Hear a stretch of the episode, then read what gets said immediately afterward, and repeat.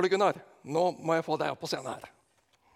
Først må vi begynne med Det vil jo fort avsløres at du har ikke Kristiansand-dialekt, mener jeg. Så vi må først få på plass, så de slipper å lure på det.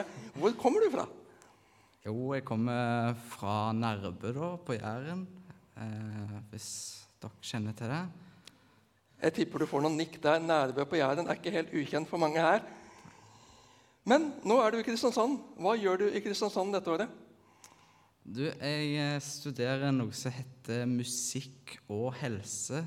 Som da er en sånn nærmere studieretning mot eh, musikkterapi, da. Eh, for å lære om hvordan man skal bruke musikken til å nå inn til mennesker da, som har det psykisk tøft. da. Mm. Så sitter jo jeg som pastor med medlemslista, så jeg vet at du blir 22 dette året. Det betyr at uh, det er en glipe der mellom videregående og, og der du er nå. Hva har skjedd i mellomtida her? Nei, eh, det er jo Jeg gikk på Fjellheim bibelskole da, i Tromsø. Og så begynte jeg jo på eh, studiet i fjor. Mm. Hvis du skal beskrive bibelskoleåret på Fjellheim med, med, noen sånne kjappe stikkord, hva er det som kommer først opp i bevisstheten din da? Ja, nå spør du Det hadde jeg ikke forberedt meg på på forhånd. Nei, jeg var ikke forberedt på forhånd. Um, utrolig godt åndelig fellesskap, altså på en helt annen måte enn jeg har vært andre plasser. Um, der du på en måte, uansett hvem du traff på skolen, så, altså på fritida, da, så følte du at du, om du hadde behov for det, så kunne du ha en åndelig samtale om hva som helst. Og det er noe jeg aldri har vært borti lignende før. da. Mm. Så flott. Ja. Så har du vært medlem her i Misjonshuset et års tid. Mm. Vært engasjert her. Vi er jo medvandrere, så jeg har blitt, begynner å bli godt kjent med deg. Det setter jeg veldig pris på. Flotte samtaler. Spennende mm. Så er du engasjert i MUF, med sang og musikk. Og forleden lørdag så dukka det opp med kake også, så det er mange, mange talenter her. Og så har du meldt at du er villig til å være med i sykekomiteene, dvs. Si andaktet på sykehjemmene. Mm. De har kanskje ikke kommet i gang etter eh, koronapausen? har de det? Nei, det var vel snakk om det, men jeg har aldri hørt noe mer. Se, er, er, er, Sigbjørn her? Så blir det litt hint til han. Nei, han er ikke her. Men det, den praten får vi ta. Mm. Mm. Du skal Hvordan ble det? Ble det én eller to sanger? Sang før og eller etter talen? Jeg tror jeg tar en sang etter talen. Vi tar den etter talen. Mm. mm. Men ja. før du slipper til å tale, så vil jeg spørre deg Hvorfor er du en kristen? Hvorfor valgte du å følge Jesus? Og hvordan har din vei med Jesus vært så langt? Det er dype spørsmål, altså. Eh, svare kort. Eh, hvorfor jeg er en kristen? Eh, det er jo først og fremst fordi jeg vokste opp i en kristen heim. Eh, kristne foreldre. Og eh, jeg vet ikke hvor mange av dere som kjenner til Gjertun lutherske friskole. Men det er iallfall en skole på Bryne da, med luthersk opplæring. Da, da følte jeg fikk mye grunnleggende opplæring enn hva andre barneskoler har. da også. Og så, ja jeg har ikke noe sånn veldig godt svar på det. Jeg har spurt meg selv, eh, ofte sjøl om det. Hvorfor er jeg en kristen? Men eh, da kanskje først og fremst når jeg fikk se inn i evangeliet, og kanskje spesielt inn mot det budskapet jeg skal snakke om nå, så tror jeg det kommer innom det litt hva budskapet jeg fikk sett inn i da, i Bibelen. Mm. Så det viser at det du skal dele med oss, det er noe som ligger deg tett på hjertet i kveld. Så det blir Absolutt. spennende å høre. Mm. Før du får scene aleine, har du en uh, fun fact å avsløre for oss? Um, um, Kommer an på hvilken type fun fact du vil ha. Om sånn, uh, sånn uh, kul fun fact eller morsom, eller hva er det Det er helt opp til deg hva som først popper opp. Det er så mye å velge. Ehm, jeg kan si at eh, når jeg skulle begynne på Fjellheim, så klarte jeg å glemme flytidspunktet. Så jeg eh, klarte å komme for seint til flyet. Så jeg har sånn realistisk førsteinntrykk til alle Fjellheim-elevene. Har noen der borte som jeg husker det veldig godt. Så det er sånn satt et preg over resten av skoleåret, kan man si. da. Nettopp. Du fikk et rykte. Hm, Du ja, fikk et rykte der. sagt. Men det er eh, nåde å få på Fjellheim, så du, du slapp til om du kom litt seint. Ja. Takk for at du nå vil dele med oss noe du har sett og brenner for i Guds ord. Mm. Guds fred. Takk. Jeg tror jeg eh, begynner med å be. Kjære Jesus, du ser eh, det er et utfordrende tema jeg har satt for meg, og det så Ja, du kjenner hva som ligger på hjertet mitt. Det uro over hva som skal bli sagt. Og jeg ber først og fremst om at du må gi det som vi trenger, både til meg som taler, og de som sitter og hører på, at det, det kan være til velsignelse for oss alle, og at det er med å åpenbare hva du har gjort for oss, og hva du har sagt i ditt ord, Herre. Jeg ber om dette må en være velsigna stund i ditt gode navn. Amen.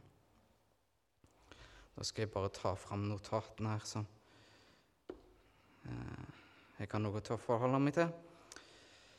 Yes, som dere ser, så står det brud- og brudgommusikken. Og jeg kan jo si det først og fremst at jeg er ikke gift ennå, så det er liksom den eh, de, Jeg tipper at det større antallet prosenten her er kanskje litt mer kjent med, med den tematikken enn det jeg er, men eh, jeg tror likevel at det, om man er gift eller ikke, så tror jeg Bibelen er ganske god til å åpenbare for oss hva som blir sagt rundt denne te tematikken her, da.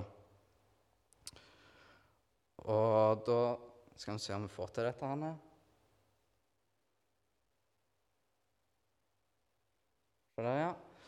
Og da skal jeg eh, kort gå gjennom to ulike hovedpunkter i denne tematikken her, som da kan være med å avsløre eh, hva denne tematikken handler om, og at det er viktig å sette et stort og tydelig skille mellom disse to småoverskriftene her. Først sannheten om bruden, altså oss, og sannheten om brukdommen som er Jesus. Og da tror jeg det er fint å begynne med å lese fra Guds ord. Så da skal vi se eh, Ja. Og dette her er da sannheten om bruden, og da kommer det ulike bibelvers som er med å avsløre hvordan vårt forhold er til Han. Og det er ganske tøft å lese hva som står her. Det er iallfall veldig ransakende for min egen del til tider. Og da skal jeg ta opp Nei, jeg skal lese det. Og da står det først i Romane 3.10.: Det er ikke én rettferdig, ikke én eneste. Det er ikke én forstandig. Det er ikke én som søker Gud. Alle er veket av. Alle sammen er blitt udugelige. Det er ikke noen som gjør det gode, ikke en eneste. Og så står det Johannes' åpenbaring 2,4. Men jeg har imot deg at du har forlatt din første kjærlighet. Og så står det, eh, Der har jeg glemt å skrive ned eh, hvor det står hen, men det står altså i Hoseas bok eh, 1-2. Og der står det om at, det, at de, Israels folk horer seg vekk fra Herren. Jeg skal utdype mer hva det betyr. Og da kan vi først gå inn på hva første budet. For der står det at du skal elske Herren din Gud.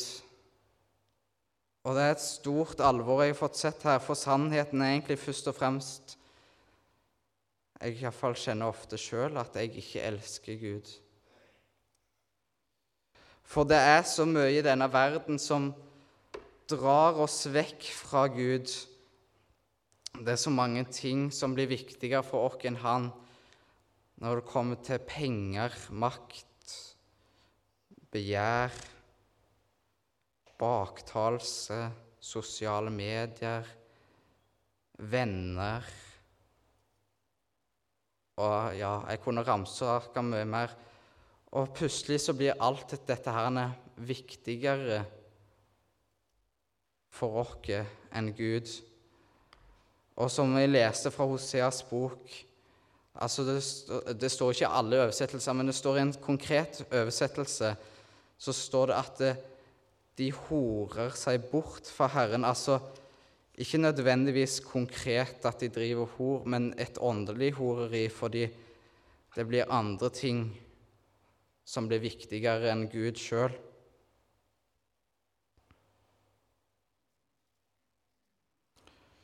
Og det er kanskje ikke uten grunn at første bud er første bud, fordi det kanskje er det letteste å bryte for oss.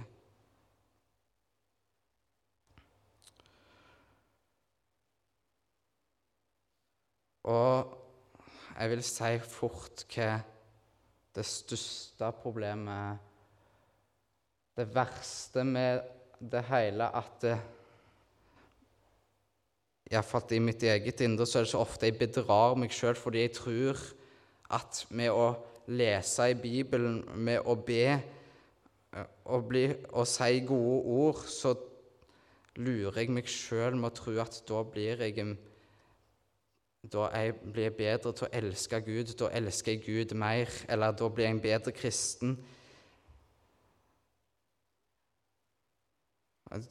Bibelen oppfordrer oss til å lese og be. Men hvis man tenker i en kjærlighetsrelasjon, så er det ikke sånn at man tenker at det, når man prøver å vinne sin ektefelle eller en kjæreste, så er det ikke først og fremst man tenker at det er ga, de gavene og de gode ord den personen har å komme med, som gjør at man elsker den personen. Det er ikke alle de, det er ikke utseendet, det er ikke alt den personen har å gi til meg, men det er noe med selve personen som man blir glad i, og som Det er liksom selve personen man lengter etter. Og jeg skulle ikke trodd at det var noe annerledes med Gud. Men det er sånn ofte man tenker at Gud er At man tror man tilfredsstiller Gud med gode ord og gode gjerninger. Ja, det kan Akkurat som at hvis du gir en gave til din ektefelle, sånn, så blir man glad, men hovedsaken er at det er selve personen man ønsker. Så det, Som jeg leste i stad fra bibelverset i Johannes' åpenbaring, at eh, Gud roser Efesus for alle de gode gjerningene sine først. Jeg kan lese det fra kapittel 2 i Johannes' åpenbaring. Jeg vet om dine gjerninger og ditt arbeid og din utholdenhet, og at du ikke kan tåle de onde. Du har prøvd dem som kaller seg apostler, og ikke er det, og du har funnet det at de er løgnere. Du har tålmodighet, du har mye å bære for mitt navns skyld, og du er ikke godt trett. Så Gud roser faktisk menigheten for alt det gode man gjør. Men det kom et viktig men her. Men jeg har imot deg at du har forlatt din første kjærlighet. Så det er altså det som blir problemet hvis alle de gode gjerningene tar for stor plass. At alt, man blir så opptatt av alt man skal bli og alt man skal være, at det tar større plass. at man glemmer kjærligheten sjøl. At man glemmer Jesus midt oppi alt man skal bli, og alt hva man skal være. Et navn av å leve av. Man skal bli en så god kristen, og så glemmer man sjølve Jesus midt oppi alt det hale, hele.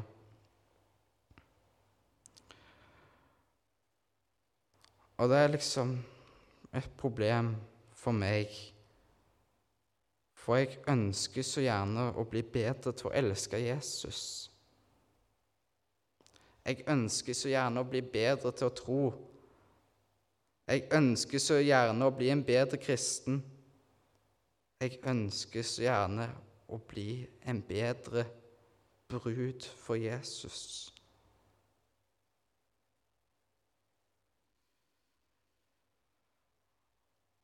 Og det er nå jeg tenker at nå har Gud all god grunn til å forlate en så dårlig brud at jeg er ikke noe å samle på fordi jeg er sånn som jeg er, med alle mine feil og mangler.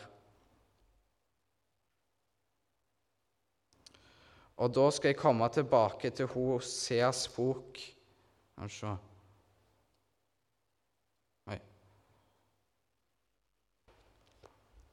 Skal vi se Jeg vet ikke hvor mange av dere som har lest denne boka, men for min egen del så har det iallfall blitt en stor evangelisk bok.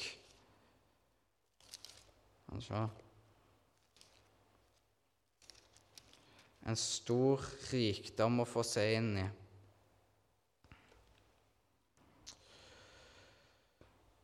Og da, som vi leste i stad, så står det først om at Gud taler til Hosea som skal finne seg en horkvinne fordi Israel driver hor, eller hore seg vekk fra Herren. Og med det så mente Gud da at, det, at Hosea sjøl skulle erfare hvordan Gud har det. Og her er det mange som fremstiller Gud på en Eller ikke nødvendigvis en feil måte, men iallfall glemmer en viktig ting av Gud. Og det er som jeg har skrevet her Altså den kristne brudeparrelasjon altså, Eller mellom oss og Jesus, da er at det ikke er bare en klissete kjærlighetsfilm. For her som vi leste i Hosea, så får man åpenbart en slags sårbarhet i Gud da. At Israel horer seg vekk fra Gud. Det er andre ting som har blitt viktigere for Israel enn Gud. Så det er kanskje blitt til en mer en slags tragedie å nærme seg et slags ulykkelig ekteskap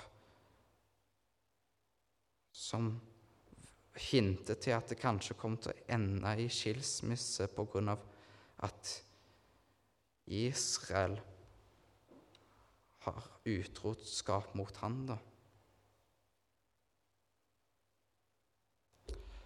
Så er jo spørsmålet hvordan er brukdommen mot sin brud? Hvordan er Jesus mot oss midt mot, oppi all denne utroskapen vår? Kommer det til å ende i skilsmisse? Skal jeg lese? I dette er kjærligheten ikke at vi har elsket Gud, men at Han har elsket oss og sendt sin sønn til soning for våre synder. Og dette her neste bibelverset her, for det er ganske interessant, for det er sånn som blir lest om veldig ofte når man skal snakke om eh, hvordan våre ekteskap skal fungere her på jord. Men jeg har sett i denne konteksten hvordan Gud, Jesus er for oss. da. Og Da skal jeg lese fra Efeserne 5, 25. Like som Kristus også elsket menigheten og ga seg selv for den, for at han kunne helliggjøre og rense dem med vannvask ved ordet, for at han kunne prestere den for seg selv en herlig kirke, som ikke hadde flekk eller rynke eller noe slikt, men at den skal være hellig og uten flekker. Jeg ville gjerne understreke det siste der. Jesus vil fremstille oss uten flekker og ønsker å rense oss. Altså, han ønsker Han ser på oss uten våre feil og mangler.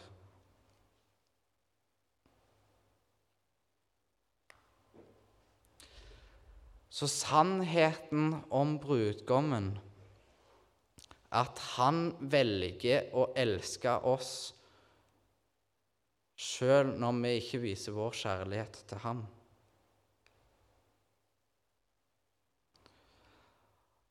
Og Der ser jeg at det er skrevet i litt liten skrift, så jeg spørs om dere klarer å lese det. Og Dette nevnte jeg i stad. om Når du elsker en person, er det ikke først og fremst gaver, tjenester og utseende, men det er noe med selve personen. Det er sjølve deg Gud vil ha. Så det jeg vil understreke her, at du trenger ikke å tenke at du skal streve for å fortjene Guds kjærlighet. Du trenger ikke å streve for å fortjene Jesu frelse.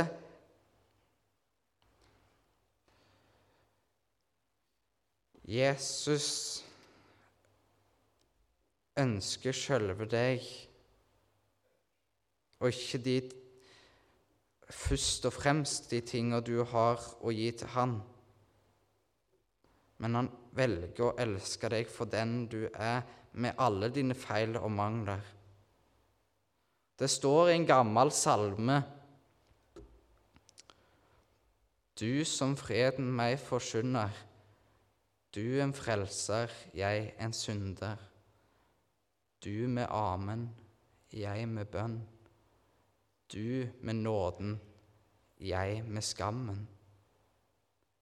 Og det er liksom her på alle måter at jeg tenker med meg sjøl at her kolliderer det, og her krasjer det, og her passer vi absolutt ikke sammen. Og her kommer vi Det er liksom et tydelig skille mellom oss og Gud. Men her står det altså i denne salmen Og hvor vi dog passer sammen. Du, Guds salvede, Guds sønn. Og så står det et utrolig fint bibelvers videre i Hosea. Hvordan kan jeg oppgi deg, Efraim, altså Israel da på hebraisk? Altså, hvordan kan Gud si til Jeg følte det var som Gud sier til meg Midt oppi alle mine synder, midt oppi alt jeg ikke klarer å få til, så akkurat som Gud sier til meg Hvordan kan jeg, hvordan kan jeg oppgi deg, Ole Gunnar? Jeg klarer, ikke opp, jeg klarer ikke å gi deg opp. Jeg elsker deg for mye til at jeg klarer å gi deg opp og et senere vers. Og dette her er kanskje kjernen i hele tematikken. Og da står det sånn Jeg vil forlove meg med deg for evig tid. Jeg vil forlove meg med deg i rettferdighet og rett, i miskunnhet og barmhjertighet og jeg vil forlove meg med deg i troskap, og du skal kjenne Herren.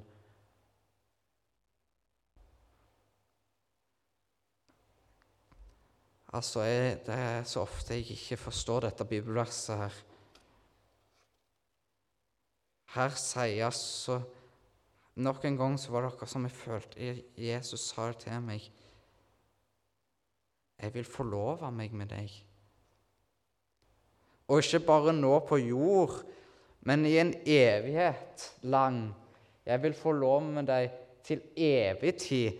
Altså, Hvis man tenker på hva forlovelsen betyr, da, så er det jo det du sier når du lover å elske og være trofast mot din ektefelle i både gode og onde dager.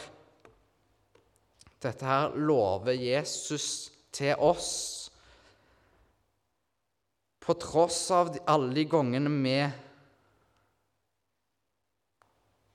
ikke klarer å elske Han, eller føler vi ikke klarer å elske Han, de gangene man ikke ber nok, de gangene man ikke leser nok, de gangene man synder mot Gud, så gjelder denne, trolov, denne forlovelsen her.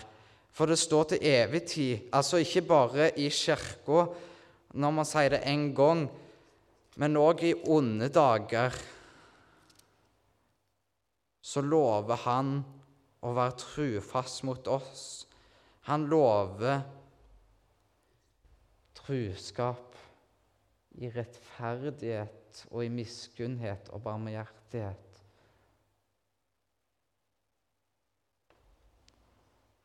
Det er en stor Et stort evangelium å få se inn i. For da mister man liksom hele seg sjøl av alt jeg er i meg sjøl, men da kan man bare få erfare at det, Jesu frelsesverk gjelder uansett hvordan mitt kristenforhold er til Han. Altså, Gud går ikke rundt med en slags temperaturmåler og måler hvor kristen man er. Nå er jeg så flink til å lese, nå er jeg så flink til å Nå, er jeg så, nå synder jeg så og så lite. Han går ikke rundt med den temperaturmåleren og så Ja, nå er du innenfor. Nei, nå er du utenfor. Nei, frelsen avhenger ikke av hvordan du er, men det avhenger av han, hva han har gjort for deg.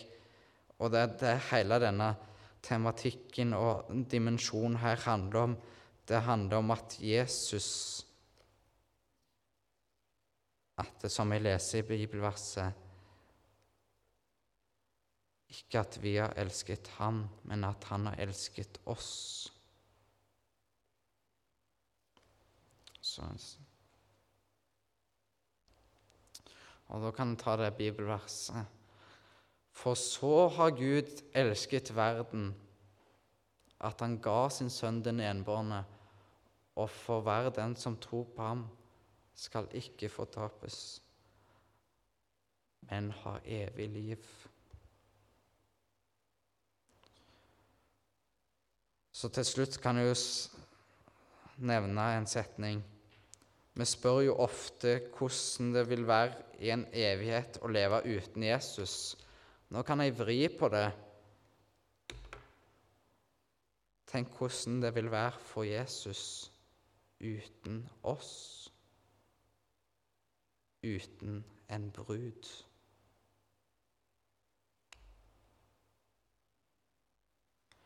Kjære Jesus. Jeg takker deg for at du har sagt i ditt ord at du ønsker å forlove deg med oss på tross av vår, våre feil og mangler, på tross av alt som vi ikke får til i vårt kristent liv. Jeg takker deg, Jesus, for at eh, alt vi trenger å gjøre for å bli frelst, det er allerede gjort.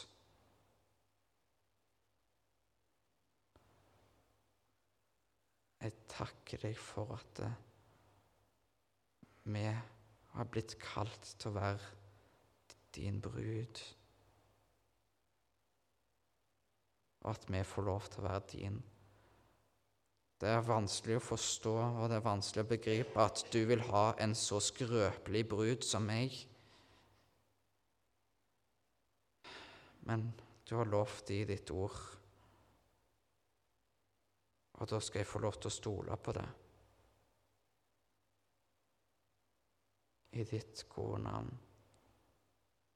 Amen.